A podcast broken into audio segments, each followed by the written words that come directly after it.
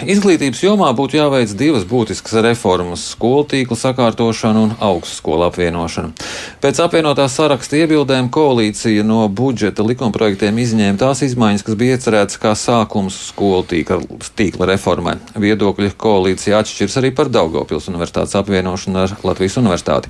Par skolu tīklu un par augstskolu apvienošanu šorīt izvaicāsim Saimnes izglītības, kultūras un zinātnes komisijas, augstākās izglītības, zinātnes un cilvēku kapitāla apakškomisijas komisijas priekšstādātāju Česlavu Bāķņu. Labrīt! Labrīt! Sāksim ar skolu reformu. Kāpēc apvienotajam sarakstam tuvāk ir stagnācija skolu tīkla jautājumā?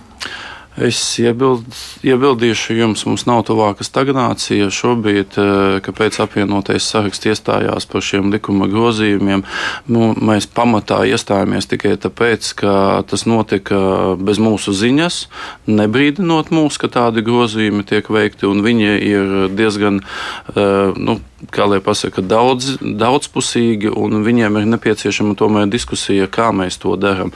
Šajā gadījumā viņi tika iekļauti budžeta pakotnē, un šajā pakotnē nu, tas ir steidzamības kārtā. Mēs pat izglītības lielajā komisijā nebijām par to diskutējuši.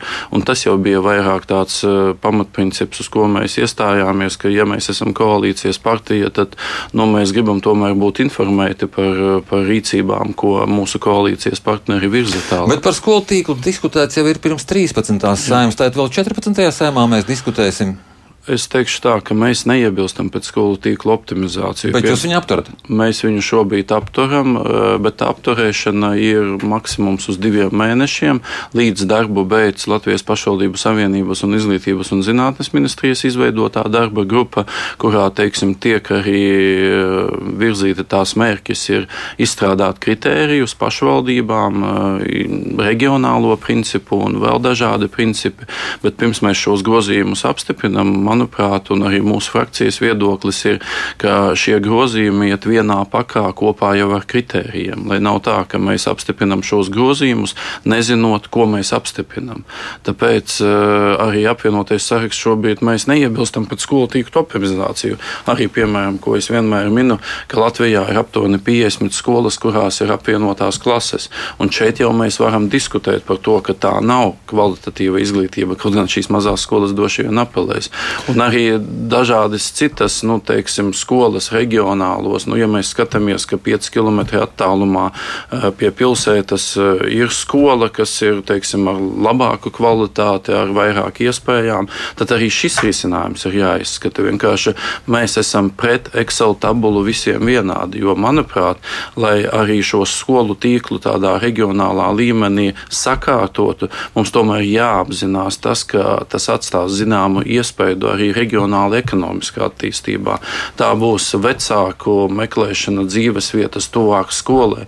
Un e, mēs arī vakardien modelējām, pašvaldību savienība ir izstrādājusi tādu interaktīvo karti, kas publiski jau šobrīd ir pieejama. Un mēs tur redzam, ja mēs ejam to pirmo uh, piedāvājumu, ko izglītības ministrija demonstrēja 24. februārī, kad minimālais skaits varētu būt 180 bērni Latvijā no pamatskolu grupas pazūd aptuveni divas trešdaļas skolu. Tā karte ir perfekta. Tur redzi visas skolas un uzklikšķinot to klikšķi 180 bērni. Tur bija pat reģioni, kur pamatskola paliek tikai, tikai konkrētā pilsētā. Bet ko tad darīt ar lauku skolām? Jūs rosināt par katru potenciāli slēdzamo lauku skolu diskutēt? Nē, mēs rosinām uh, uzklausīt plānošanas reģionus un arī konkrētu novadu, jo uh, pirmais apvienošanas, reorganizācijas un slēgšanas skolu tīklu process bija jau kādus gadus piecus atpakaļ, kad ministrs bija Šadurskis, un šobrīd, kad ir jau noslēgusies jaunā ATR reforma, tad arī šobrīd pašvaldības jaunie novadi novade sāk šo tīklu optimizēt. Ja mēs globāli paskatāmies, trīs gadu laikā mums ir uh, reorganizētas vai slēgtas 150 izglītības iestādes. Un, uh, protams, tas ir jāsakārto. Mēs arī koalīcijā to runājām, ka apsēžamies bez emocijām, ar skaidriem kritērijiem, izdiskutējam un sakārtojam. Bet tagad divus mēnešus viena komisija, pēc tam saimā pusgadu. Nebūs pusgada. Cik tad? Es domāju, ka tās ir maksimums divas sēdes, kad mēs varam to izdiskutēt. Plus lasījumi, es domāju, ka tas ir nu, mēnesis, pusotrs.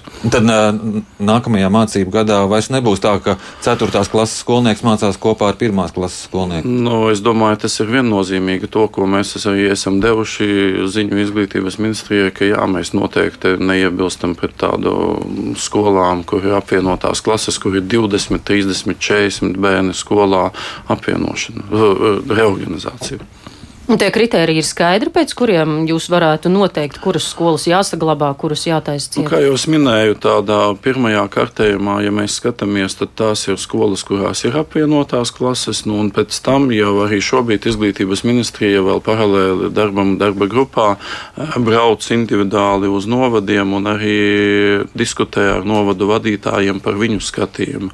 Bet šeit mēs vakar arī sadarbības padomē prezentējām apvienotais saraksts arī savu skatījumu gadījumu, ka šeit arī bišķiņi jāpaskatās varbūt uz to modeli, kāds ir Lietuvā klases finansējums, kur skaidri būtu iezīmēts, ka, piemēram, lai, lai būtu viena klases konkrētajā izglītības iestādē, viņa izmaksā tik un tik, un viņai ir nepieciešams, piemēram, 15 bērni klasē.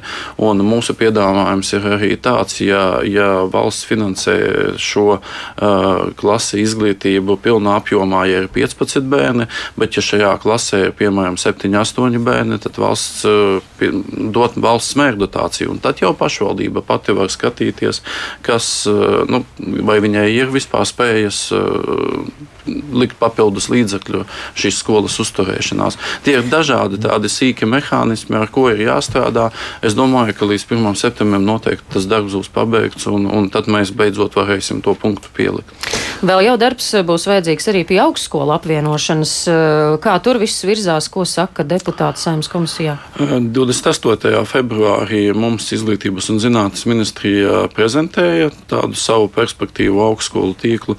Es teikšu, ka viņš šobrīd arī ir balstīts uz to ministru ziņojumu, ko ieslēdza Izglītības ministrija ministru kabinetā pagājušo gadu, un pēc būtības tā konsolidācija jau ir notikusi. Vienīgais, ka šajā ziņojumā tika minēts minēts arī, piemēram, ja augstskolas akreditācija dabū vērtējumu zemāk par divi, tad viņām tiek uh, likvidēts zinātniskās universitātes status un arī vairs netiek piešķirts uh, finansējums. Šeit ir nianses stāsts ar Daugopils universitāti, kas pēc būtības šobrīd atbilst zinātniskās universitātes statusam, gan, gan akreditācijā viņām šis vērtējums ir trīs, gan, gan studējošo skaits ir pietiekošs. Vienīgais, ka šobrīd zinātniskās publikācijas ir aptuveni 200 gadā, bet viņai jāsasniedz 1000 publikācijas piecu gadu laikā. Un Daugopils universitāte akceptēja, ka viņš šo nu, teiksim, kritēriju izpildīs pēc gadiem. Tad viņus neapvienos ar Latvijas universitāti vai kas tur būs?